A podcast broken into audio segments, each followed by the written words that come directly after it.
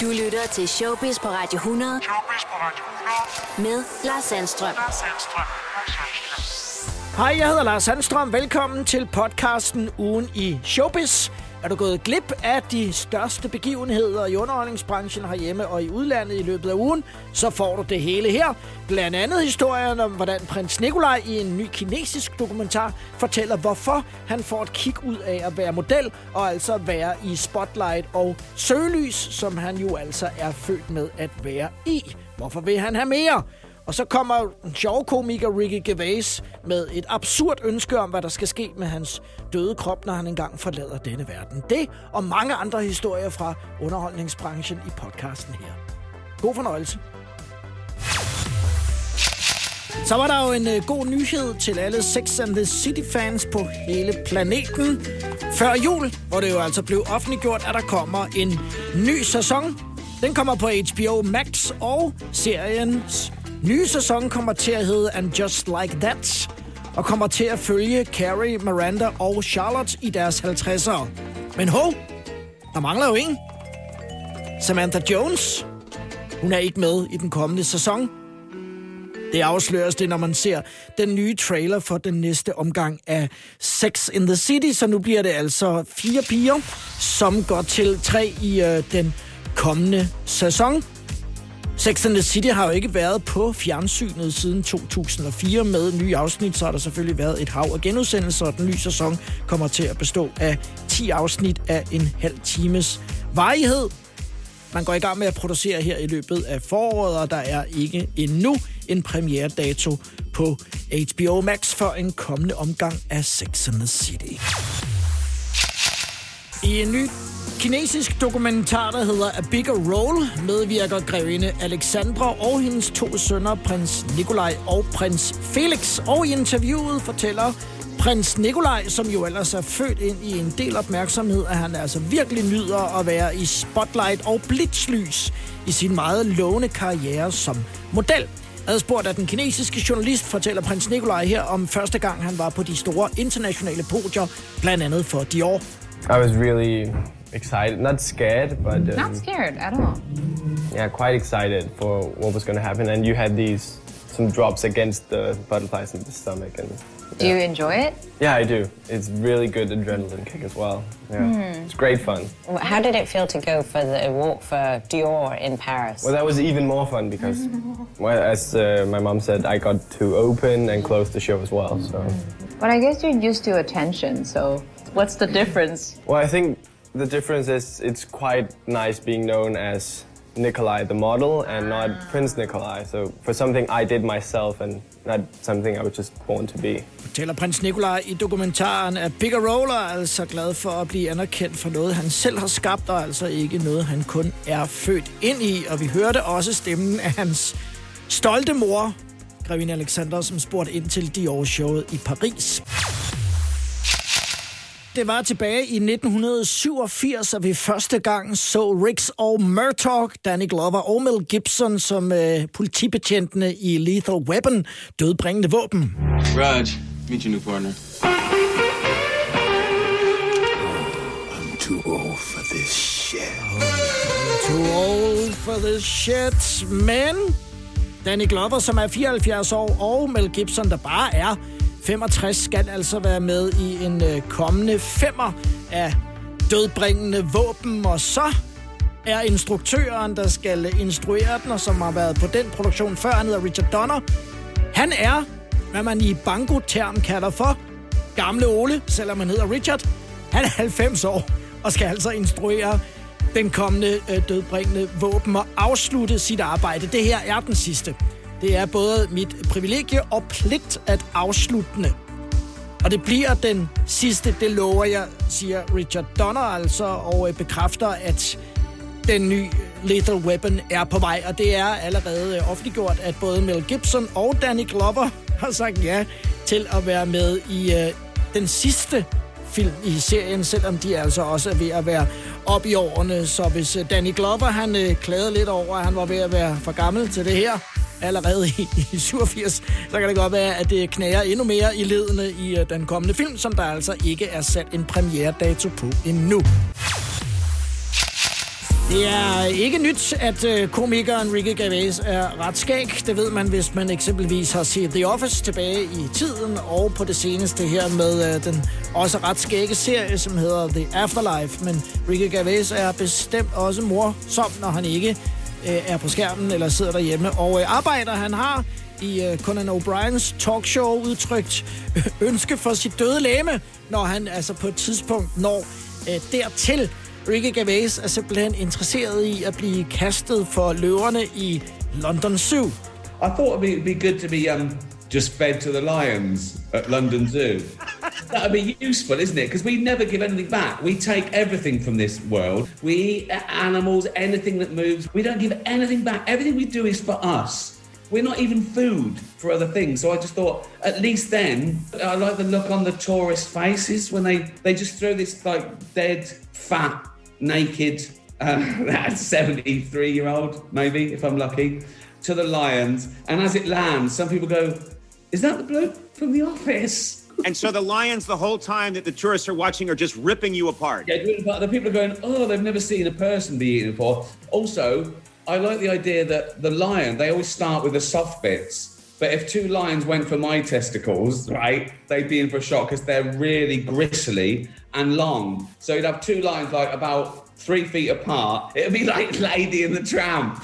They're eating my testicles, getting closer together. Ricky Gervais morer sig allerede på forhånd og øh, forestiller sig altså øh, turisterne i London Zoos udtryk i ansigtet og hvad de måtte tænke, når de altså ser øh, det her øh, fede døde læbe blive kastet ind til løverne, som måske endda, hvis de går i gang med hans øh, testikler, som han selv beskriver som meget lange, kan spille en øh, scene, som kommer til at minde om Lady og Vagabunden, der sidder og øh, spiser pasta, men altså med Ricky Gervais testikler i stedet for. London Zoo er ikke helt så begejstret for ideen, som Ricky Gervais er. Jeg tænker, at Rickys måske er lidt for seje til vores løver, forklarer direktøren for London Zoo. Men på Ricky Gervais ønsker om at give noget tilbage til naturen, tilføjer hun, at det er der rig mulighed for hos London Zoo. Vi har øh, haft økonomiske udfordringer ofte under nedlukningerne i forhold til corona.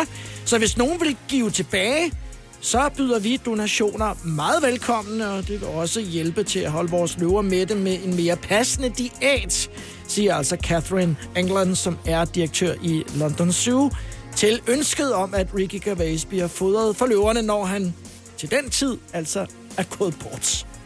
Du lytter til Showbiz på Radio 100. Showbiz på Radio 100. Med Lars Sandstrøm. Lars Sandstrøm. Og en af de ting, der bliver talt meget om os imellem, er jo, hvordan kommer sommeren 2021 til at se ud. Og for alle os, som er rigtig glade for at komme ud og høre live musik, så er vi jo selvfølgelig også en lille smule ængstelige om tanken om festivalsæsonen 2021. Der er jo altså meldinger, der bølger lidt frem og tilbage, men de har ændret sig lidt efter at øh, vaccinestrategien jo altså er blevet rullet ud fra Sundhedsstyrelsen og øh, Statens Serum Institut.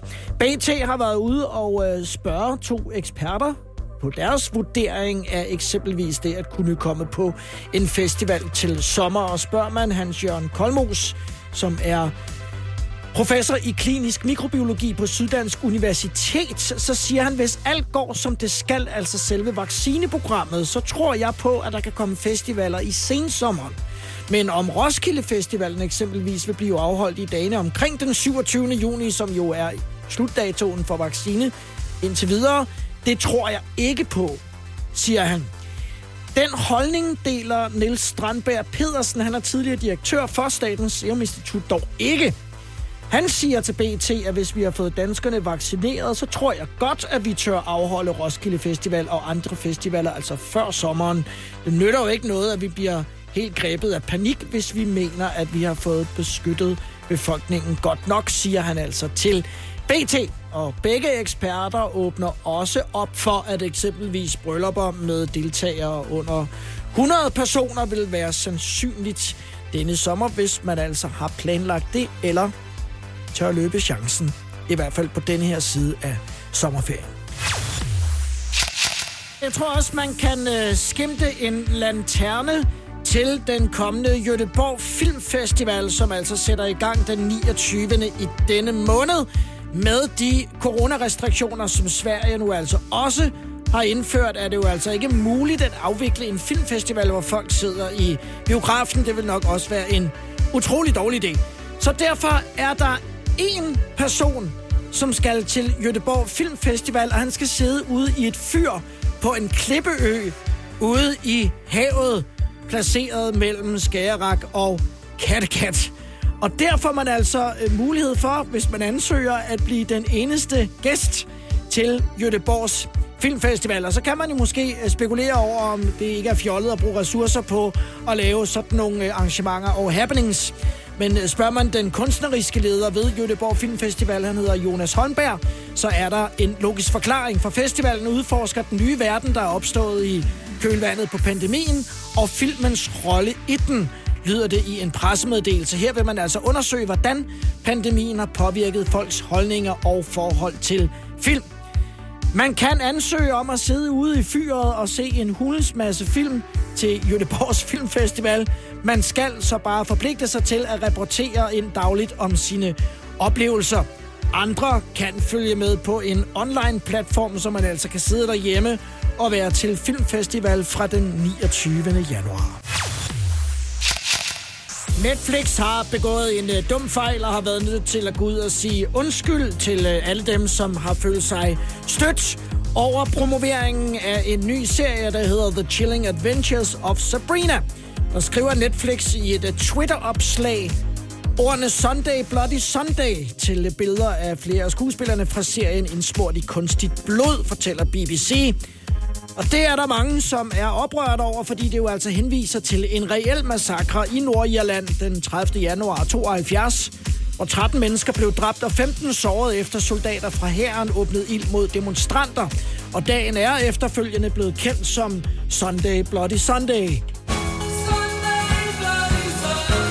Blandt andet også skildret i musik af YouTube med nummeret af samme navn. Og mange har undret sig over, at Netflix ikke har kunnet genkende udtrykket. For historien er jo altså blevet genfortalt forskellige gange, men nu har Netflix har altså været ude og undskylde bummerten med at bruge udtrykket Sunday Bloody Sunday i, i en reklamesammenhæng.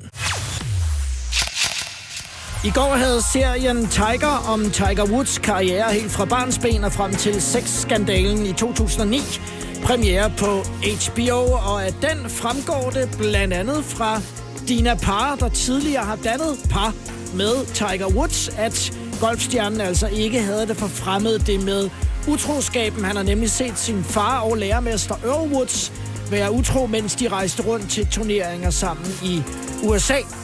Og selvom golfspilleren var enormt skuffet over, hvad han havde set, så vælger han altså at holde hånden over sin far. Dina Parr fortæller i dokumentaren, at Tiger var vred på sin far, men han viste det ikke.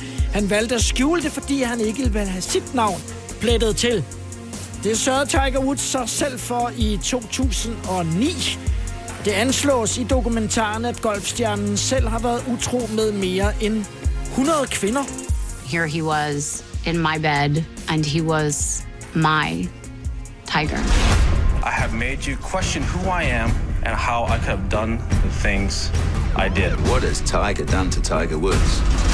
Et uddrag af det første afsnit af dokumentaren Tiger, der altså havde premiere på HBO i går. Du lytter til Showbiz på Radio 100 med Lars Sandstrøm. Den 2. april er i hvert fald indtil videre datoen for, hvornår vi får den 25. James Bond-film No Time to Die. at se, den er jo blevet skubbet og skubbet og skubbet på grund af corona, og det er i hvert fald også efter sine sidste gang, vi kommer til at se Daniel Craig som agent 007. Og det betyder jo altså, at der skal findes en ny James Bond, og den har vi jo været ude i nogle gange før. Seneste favorit er en herre, som hedder Regé Jean Page. De fleste kender ham nok for øh, hertugen af Hastings i Bridgerton-serien på Netflix, som er blevet vanvittigt populær. Han har forældre fra Zimbabwe og England. Og skuespilleren pustede selv til ilden om rygterne, da han her før årsskiftet postede et klip med sig selv i fuld hertugkostyme fra Bridgerton-serien, hvor til han skrev Regency Royalty Shaken and Stirred. Som jo er den måde, som Agent 007 gerne vil have sine dry martini. Magasinet Variety har bidt mærke i, at betting-sitet Ladbrokes har øget hans odds som bondfavorit fra 40 til 1 til 5 til 1. Storfavoritten til at overtage efter Daniel Craig er stadigvæk skuespiller Tom Hardy. Hvis man har set Peaky Blinders, så var det ham, der spillede Alfie Solomon. Fremragende skuespiller.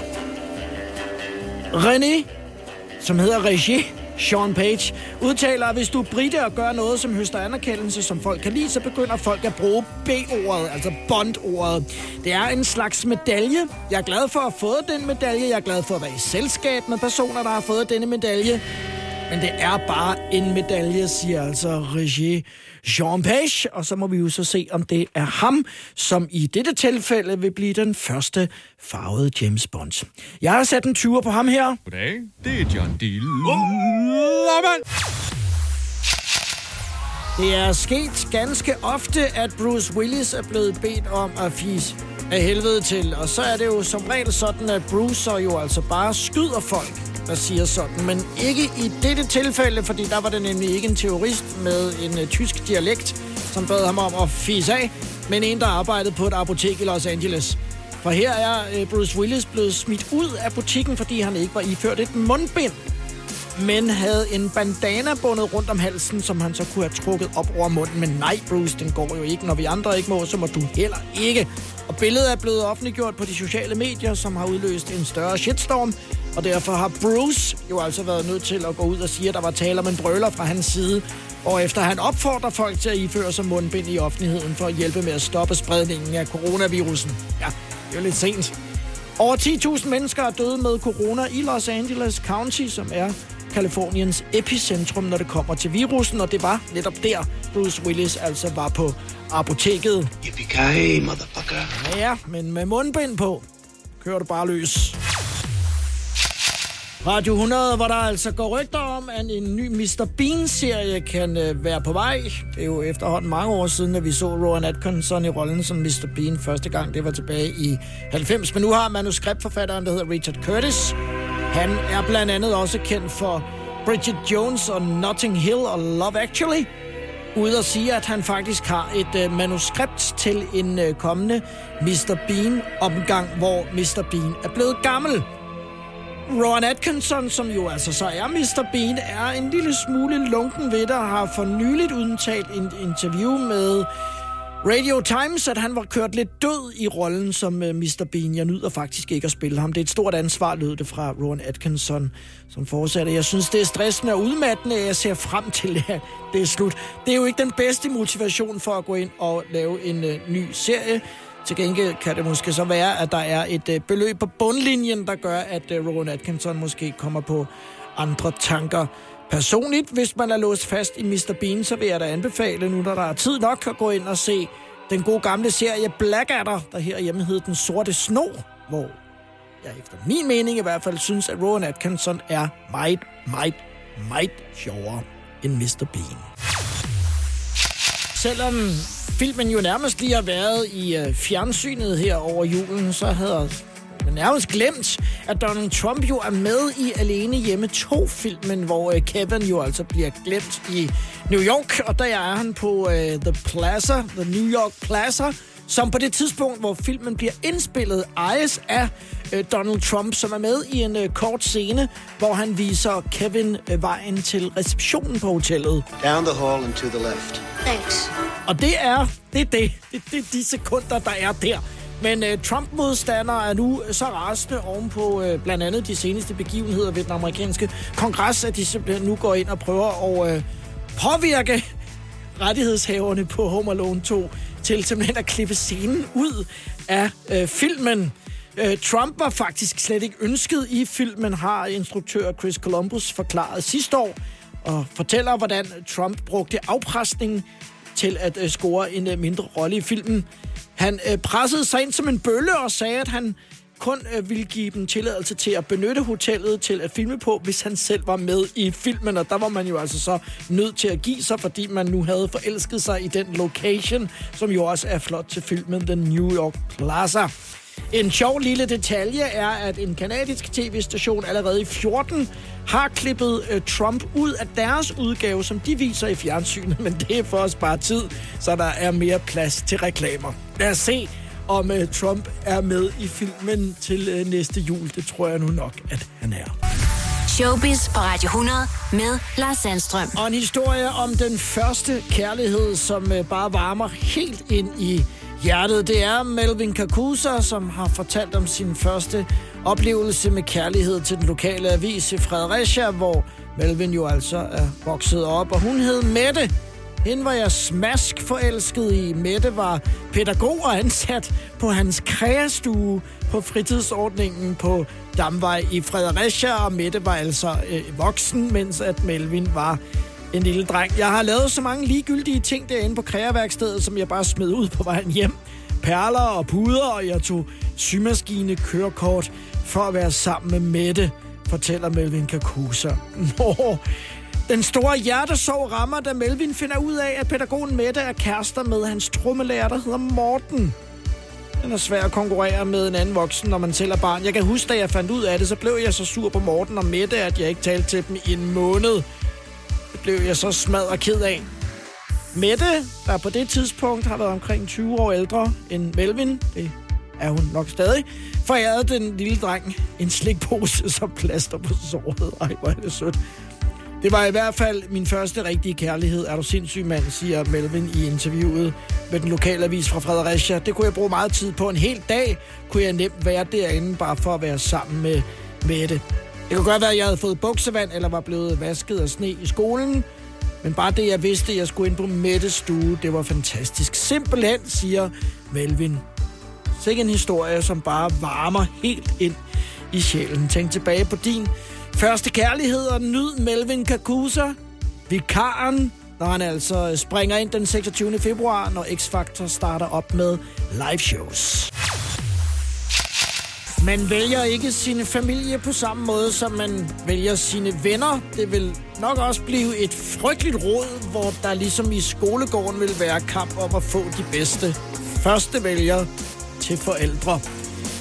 Jim Lyngvild og Jim Lyngvilds mor er havnet i en øh, familiestrid op mod en øh, fejring denne sommer ved en stor familiefest. Og Jim har på fornemmelsen, at det er selvbiografien Møgeunge, som han udgav i 16, som kan give øh, anledning til, at både Jim og Jims mor altså ikke har fået nogen invitation i posten. I bogen fortæller han ærligt blandt andet om sit forhold til sin nu afdøde mormor. Jeg var et øh, meget skrækkeligt og krævende barn. Min mormor havde 14 børnebørn, og min storesøster, som var den første, forgudede hun, men mig forgudede hun bestemt ikke. Og det forstår jeg egentlig godt, fortæller Jim Lyngvild til BT. Han spurgte forleden sin fætter om den manglende invitation til den forestående familiefest, om den vidderlige skyldtes, at han havde skrevet om sin mormor, da fætteren kunne bekræfte det, kunne Jim på en måde ånde lettet op. Hvis det var fordi, at de synes, jeg var blevet et arrogant røvhul, var jeg blevet ked af det, for det synes jeg jo ikke selv. Men jeg kan godt acceptere, at de ikke snakker med mig på grund af min holdning til min mormor. De har dømt mig ude, og det er fint med mig, siger Jim Lyngvild til BT. Jeg blev kaldt Bimmer som barn, og en fætter skrev til mig, at han savnede Bimmer og ikke vidste, hvem Jim Lyngvild var. Jeg savner ikke Bimmer. Han var et ulykkeligt barn.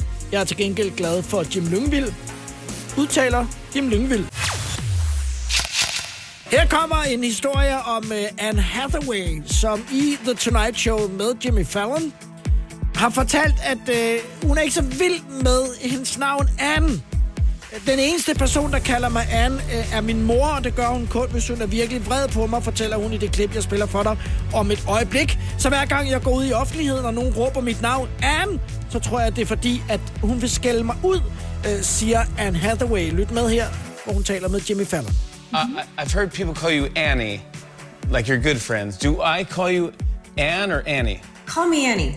Yeah. Ca- Everybody, everybody, call me Annie, please. You know, when I was 14 years old, I did a commercial and I and I and I had to get my SAG card, and uh, they asked me, "What do you want your name to be?" And I'm like, "Well, it should be my name. My name's Anne Hathaway." Like, and and I never, and and so that seemed like the right choice, but it never occurred to me that for the rest of my life, people would call me Anne. The only person who ever calls me Anne is my mother, and she only does it when she's really mad at me, like really mad. Yeah, I know. And so I, every time like I step out in public and someone calls my name, I think they're gonna yell at me. Siger Anne Hathaway altså i uh, The Tonight Show og fortæller videre, at Anne passer slet ikke til mig. Jeg er en Annie, fortsætter hun og fortæller, at mange for eksempel kalder hende Miss H, altså frøken H, som i Hathaway, eller Hath, i stedet for Anne. Folk kan kalde mig alt andet end Anne, forklarer skuespillerinden. Hvilket så giver øh, mig carte blanche til at kalde Anne Hathaway for John Dillermand, men det vil være øh, dumt og, og, og irrelevant. Og, og Anne Hathaway vil slet ikke forstå øh, morskaben i det, så vi øh, nøjes med Annie. Sanne Salomonsen med Hvis du forstod i Showbiz på Radio 100 med spot på alt i underholdningsbranchen omkring os, både herhjemme og i udlandet, og det tæller også alt, hvad der foregår på de bonede gulve hos de royale, og det er jo altså her, hvor vores royale tvillinger Josefine og Vincent, der havde 10 års fødselsdag i fredags, altså også øh, har ramt de gode sider på de øh, internationale medier, hvor de er meget begejstrede for øh, de nye, meget fine billeder taget af stjernefotografen, der hedder Franne Fort. Og her bemærker flere internationale medier, at det er meget tydeligt, at tvillingerne har tæt bånd til hinanden, og det er så her, jeg øh, tænker, ja, det er vel en del af konceptet. Når man er øh, tvillinger, giver det ikke næsten sig selv, men det er dejligt at se det på billederne, øh, absolut. Og her kan man også meget tydeligt se, at øh, tvillingerne har en slående lighed med deres forældre, og at især prinsesse Josefine ligner sin mor, kronprinsesse Mary, på en prik. Se selv øh, billederne inde på øh, bt.dk, og billeder, som altså nu altså også er bragt i blandt andet øh, Daily Mail og Hello Magazine og People. Og øh, den norske udgave af Se og Hør, hvor det danske kongehus jo selvfølgelig også er rigtig populært. Og de er også rigtig kære, vores royale tvillinger. Tænk, at de allerede er blevet 10. Det var det, folkens. Det bedste fra ugen i Showbiz podcasten. Tak fordi du lyttede med. Husk at du kan høre Showbiz i din radio mandag til fredag fra 14 til 18 her på Radio 100. Det her, det her er Showbiz på Radio 100.